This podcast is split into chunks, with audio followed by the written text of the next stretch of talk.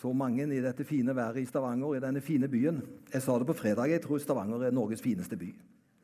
Det må ha skjedd noe med meg, syns dere ikke det? For jeg har ikke syntes det før, men nå får jeg så kjærlighet for denne byen og denne plassen og de folka. Så nå er faktisk Stavanger blitt uh, min nummer én-by.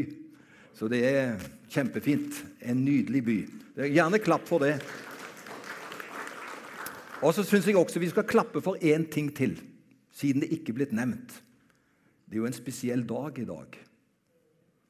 Det er farsdag. Kan vi ikke klappe for fedrene også? Yes!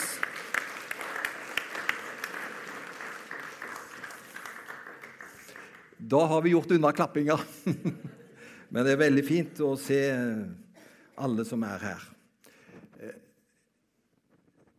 Jeg skal tale to søndager om Moses, for han er så svær. Jeg talte om Josef sist. De andre skal jeg ta én og én. Men Moses han, han, er så gedigen, på en måte. Historien altså. at Han må jeg ta både i dag og om ei uke. Så det blir liksom del én i dag og del to. Allikevel er det bare en viss ting vi berører. For Jeg skal bare prøve å være pedagogisk og gå rett på sak. Og så er det mye annet som også kunne nevnes. Så to søndager nå så taler jeg om Moses. Og så er det en søndag hvor det er et annet tema. Og så går vi inn i advent. Og Da legger jeg fra meg disse bibelske portrettene og kommer tilbake igjen for full fart på nyåret. Og Da blir Josva neste etter Moses, vet du. Men da blir det på nyåret. For vi skal ha tre flotte adventsgudstjenester. Vi skal ha fire, men jeg nevner tre. Den første, da har vi en gjest. Der landbruksminister Ole Bollestad er gjesten. Og vet du hva hun skal bli intervjuet med? Man lever ikke av kjøtt alene. Og det passer jo veldig godt inn i tiden også. Så hun er da gjest, landbruksministeren. Og da håper jeg at eh, det blir litt sånn juletanker ut av det. Og så får vi besøk nummer to av Alfred Ystebø. En fantastisk flott person som driver sosialt arbeid, hjelper flyktninger. Og vi skal liksom få komme litt bak han, hvorfor han gjør dette flotte arbeidet. Å reise ned, hjelpe syriske flyktninger i Libanon, forstår jeg. Og det er et fantastisk arbeid. Så han blir med i den advent nummer to. Og så har vi den røde Mirmir Kristiansson tredje søndag i advent. Det er han som er for Rødt i Stavanger. Jeg så Han hadde en kronikk i dag i Aftenposten. Altså Han er en forfatter, han er jo en eh, rabulist. Ikke sant? Men eh, hos Herren er det plass for alle. Og han har noen fine synspunkter om dette her med å være tolerant. For det er vanskelig i dag å være tolerant. Man blir for, så fort intolerant. Og Han har noen fine tanker, så ta imot mye mer når han kommer tredje søndag i advent. Så det ble disse tre. Bare nevner det nå, og så skal vi lage noen plakater om det. Men da kan vi allerede så det inn, og så kommer vi og Og så er det forkynnelse. Disse skal ikke stå for forkynnelsen, men de skal være gjester i en liten del av programmet. Og det ser vi fram til. Men nå begynner jeg om Moses.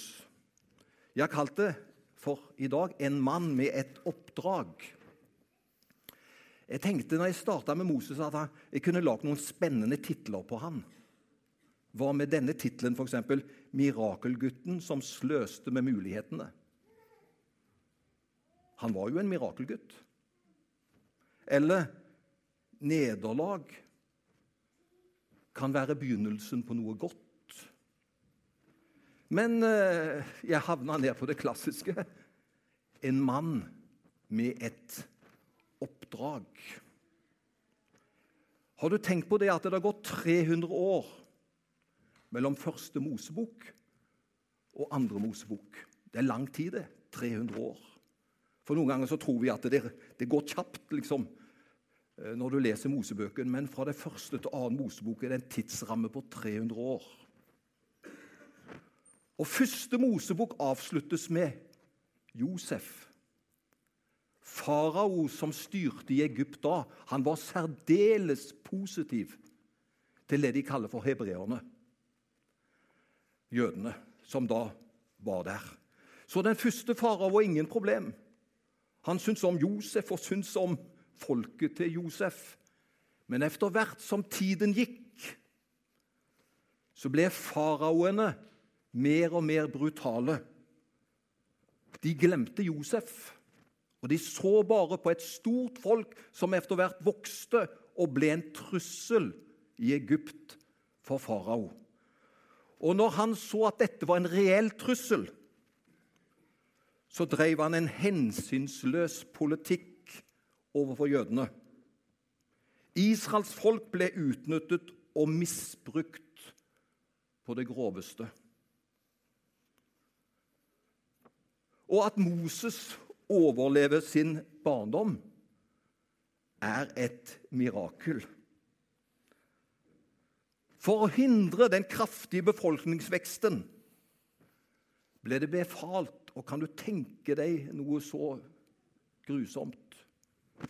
Farao befaler at alle guttebarn født av hebreerkvinner skal drepes i fødselen. Og jeg leser når dere forløser hebreerkvinnene, dette sier han til jordmødrene, skal dere se etter i fødestolene. Hvis det er en sønn, skal dere drepe ham. Men hvis det er en datter, skal dere la ham, henne, få leve. Men faraos problem var at jordmødrene ikke ville være med på kongens onde plan. For eh, jordmødrene kommer jo ut når disse kvinnene skal føde. Men de godtar ikke å drepe guttebarna i fødestolen. De får det ikke med på det. Og da må disse jordmødrene komme tilbake og gi rapport til farao. For farao skjønner hans plan blir ikke eh, realisert. Og da sier disse, hebra, disse hebreer, disse jordmødrene om disse kvinnene at disse hebraiske kvinnene er ikke slike som de egyptiske, sier de. De er sterkere enn de egyptiske. De er så kraftige og sterke. Så før jordmoren har kommet, så har de allerede født. Og da er det jo for seint, sier de. Det var jo en, en, en fin måte å, å, si det på. At De er så sterke og de er så kraftfulle at vi kommer alltid for seint ut. Og det var jo i fødselen vi skulle ta guttebarna. Vi kan ikke ta dem etter de liksom kommet og andre har sett. Det er blitt et barn ut av det. Og da blir farao rasende. Og da gir han hele folket påbud om, og jeg siterer hver sønn som blir født hos hebreerne, skal dere kaste i Nilen, men døtrene skal dere la leve.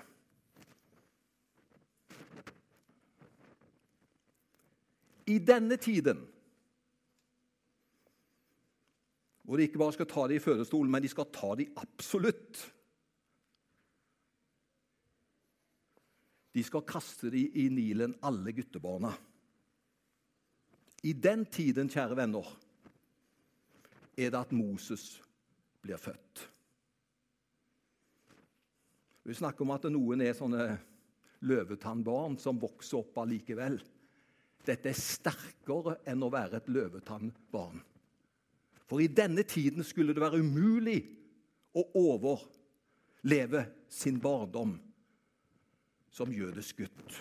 Men i den tiden blir han født og Jokebed, moren, holder han skjult i tre måneder. Jeg syns det er bra jeg holder et lite guttebarn skjult i tre måneder, og at ikke de andre får merke det. Men av en eller annen grunn så klarer mora å holde gutten skjult i tre måneder. Men da skjønner mora at det går ikke an å gjemme han lenger. Jeg vet ikke hvor mange av dere som har tenkt på det at eh, da ble han plassert i en kurv og liksom bare for ned over elva rent tilfeldig. Er det mange som tenkte at det var på den måten der? Ja, det tenkte jeg i mange år. At du bare plasserte kurven med, med, med, med Mose guttebarn i, og så fikk strømmen føre han dit det ble. Men det var ikke slik. Mora var veldig strategisk. Det var nøye gjennomtenkt. Han ble satt i en kurv, men blant tykke rørsiv. Der sto kurven trygt. Vet du hvor det var henne? Ved prinsessens egen eiendom. Det var altså helt gjennomtenkt. Vi plasserer han så ikke han går med strømmen. Den skal bli plassert akkurat der hvor prinsessen har sitt badeområde, og hvor hun er. Det er hennes eiendom. Der plasserer de gutten. Og så ble det akkurat slik som mora Jokebed planla. Prinsessen får jo øye på gutten. Og det står at det var en vakker gutt. Og så skjedde det noe i hjertet til prinsessen. Selv var hun barnløs, og hun ønsker sterkt at gutten skal vokse opp. Og så spør hun noen av sine tjenestepiker er det noen av dere som kan oppdra gutten og ta vare på han. Og ingen av tjenestepikene ønsker det, så det er ingen. Og vet du hva? Plutselig kommer det ei storesøster på plass. Hun hadde sikkert vært bak sivene og, og sett til den rette anledning, og nå var den rette anledningen der. Så hun ser at de snakker om hvem som skal ta seg av guttebarna, og så er det ingen som vil. Og så løper Miriam fram. Og vet du hva hun sier? Jeg kjenner en kvinne som kan tenke seg å oppdra barnet. Vet du hva? Kvinnens Hun var barnets mor. Men det sa selvfølgelig ikke Miriam.